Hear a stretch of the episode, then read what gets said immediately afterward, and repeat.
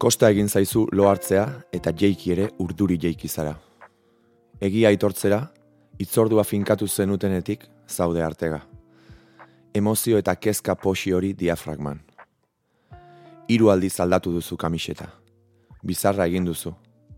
Eta ia horrazteko bigarren saiakeran ari zara. Jakina da, batek gehien behar duen egunean, giratzen dela kizkurra ez dagokion aldera. Arrebaren eskuko ispilua konketan bermatuta moldatu behar izan duzu, dagoeneko ispilu orokorrak ez baitizu balio. Emaitzarekin gustura ez, eta hirugarrenez asteko burugaina bustitzear zinela entzun da txirrina. Eldu dira. Alik bizkorren atera zara korridorera. Ez duzu etortzen ikus zaitzaten nahi. Atera doan ama begira geratu zaizu, eta itzuri egin diozu begira da horri. Poz itxura hartzen duen, baina funtsean erruki eta espektatiben doitzea dakarren beako goitik berakoa. Orain literalki. Badakizu alik ondoen ari dela kudeatzen. Badakizu zurekin etxia ez partekatzeko sekulako alegina ari dela egiten. Baina zure burua babestu behar duzu. Aurrera egingo baduzu. Egon gelara sartzear entzun duzu zure bizkarrean atea. Arratxa leon kuadria. Pasala sai. Zuen zain den. Bueno, dago. Nik atera egin behar dut eta bakarrik egongo zarete.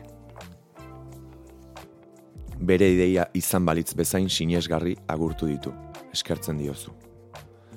Egon gelara heltzeko behar izan duten denbora, ez dator bat sarreratik dagoen distantziarekin. Ondo dakizu, kosta egin zaiela heltzea.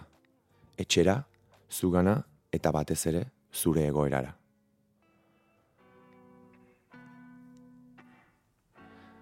Iepa, agurtu dituzu. Beti bezala entzun zedin saiatu egia izan den tonu batean. Segituan etorri dira bueltako agurrak.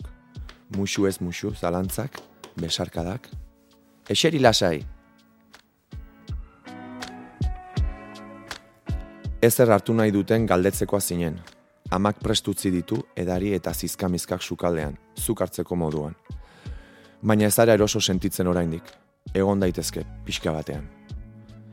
Eurak ere zalantzati daude.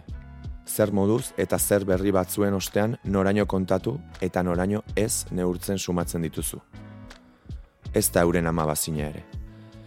Okerrago, euren erritmoa jarraitzerik ez duen laguna zara. Nola emango dizute azken parranda eta bidaien berri?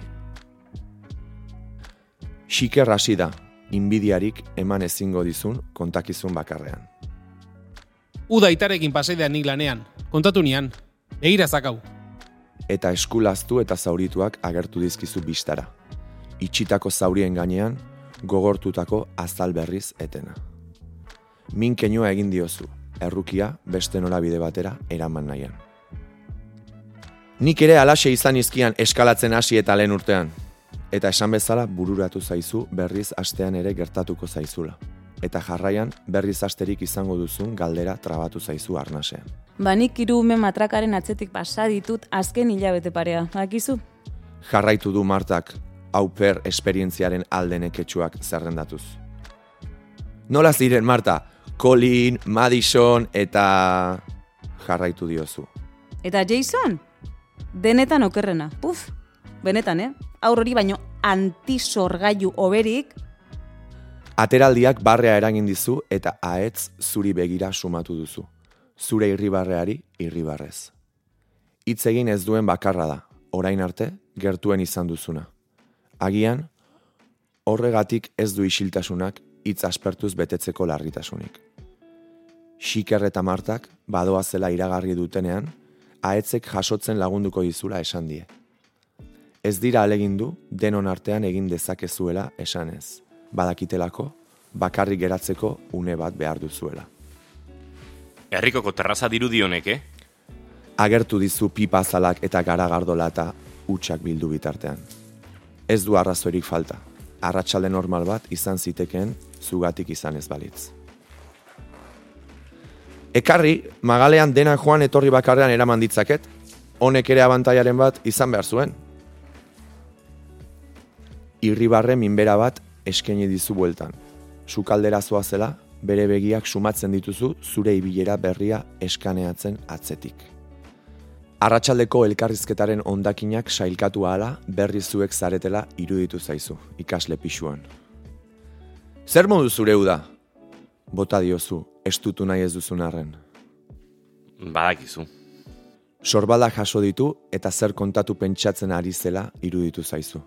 Baina bat batean, benetan begiratu dizu, berak soilik dakien moduan. Barrutik ikusten zaituzten begi arre horiekin. Zu? Zer moduz? Amaitu dira saies bideak. Orain, aurrez aurrez zaudete. Piskanaka, pentsatzeko tartea hartu duzu. Zure buruari galdera bera zintzo egiteko tartea. Hasierako hobekuntza azkar eta nabarmenak gildotzen doaz. Eta egia esan, beldurra sartzen zait zenbateraino gaitu halko naizen eta zenbateraino onartu beharko dudan gorputzaren egoera berria. Ahoz gora, beldur horri hitza jartzen dizkiozun lehen aldia da.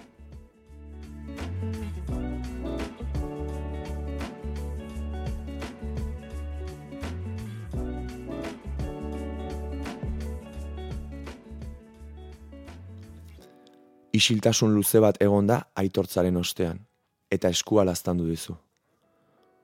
Mugitu ezin duzuna, hain justu. Bestearekin, erantzun diozu eta hanka sartu duela iruditu zaio. Lasai egoteko esan nahi diozu, zer horri ala bai zeunde. Ez duzu bide horretatik berrera nahi etortzeko dena, edo zer dela.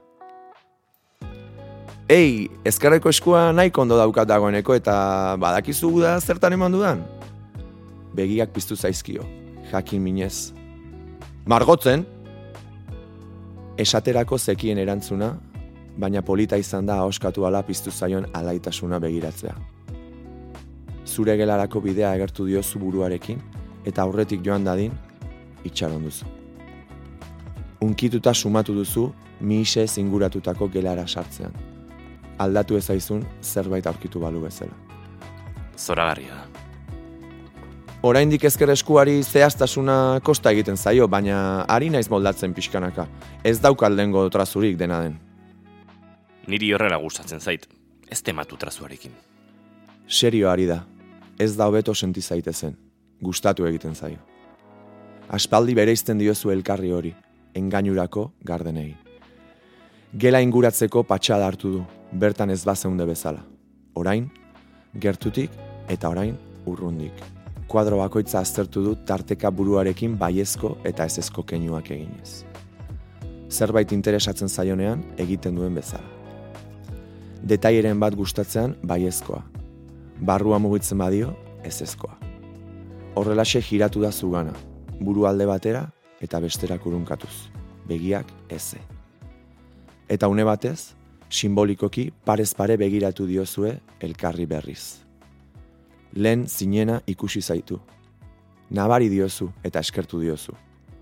Eskertu beharrik sentitu nahi ez duzun arren bere falta sumatu duzu hilabete hauetan. Partekatzen zenuten guztiarena. Eskua luzatu diozu. Keinu horren zain egon balitz bezala etorri zaizu besarkatzera. Gerria okertuta. Ez eroso. Eseri lasai, ez didazu minik emango. Eta eserita besarkatu duzu elkar tarte eder batez. Gero, elkarri begira egon zarete, eta musu emateko gogoari eusten ari zinela, bere beheko Espainari oskaka sumatu duzu. Aurre hartu eta musu xalo bat eman diozu, elkarrekin nekatu diren matrimonio zurrunek bezalakoa. Laster kendu dio xalotasuna berak, zure horrazkera arrotuz eta zure haua mi zigurtziz. Begira da zuzendu gabe jarraitu du masaietik kokotxera, kokotxetik lepora, eta luze besarkatu zaitu berriz. Zure falta somatu dut. Nik ere bai. Eta unea eten nahi ez duzun arren, hitz egitea behar duzu. Badakizu ni zurekin elkartzeko gogoz nagoela. Ez zaitut estutu nahi. Ulertzen dut eroso ez egotea. Ni ere ohitzen ari naiz. Ni zurekin eroso nago eta gogoz nago zurekin mezu bidez edo Spotifyeko erreprodukzio zerrenda bidez ezten elkarrizketaren bat izateko. Egia esan, errehabilitazio kontuekin eta etzintudan nahastu nahi, zure denbora eta espazio eman nahi nizun lasai hartzen ezan. Nire espazioan ongi etorria zara, badakizu. Bai, baina, beno, agian beldurra ere banuen ez dakit. Ni ere beldur naiz eta nik ere ez dakit, baina ei, mezuz aurreratu dizkidazun abesti mordoa eta ikusi dituzun antzerkiak, badu zurekin hori guztia partekatzeko gogoa. Hori erraza da. Oraindik ez naiz antzokira zurekin joateko presentitzen, baina sekula ez genuen horren beharrik izan, ordu txikiak arte ez da luzatzeko. Ez da eta eta gainerakoa. Ezi ez da gogoratu. Gogoa adirazi nahi izan duzu, baina hankasartu dute duen kezkatu da berriz. Ez ez, alderantziz, azken aldian gorputza pizten sumatzen dut berriz, eta zentzu horretan esan dizut ez gogoratzeko, piztu egiten hauelako. Ez du oskatu beharrik izan, begietan irakurri diozu galdera. Mugatuta nago, bai, baina sentitzen ditudanak oso bizi sentitzen ditut. Eta nahi bezala probatzerik izan ez dudan arren,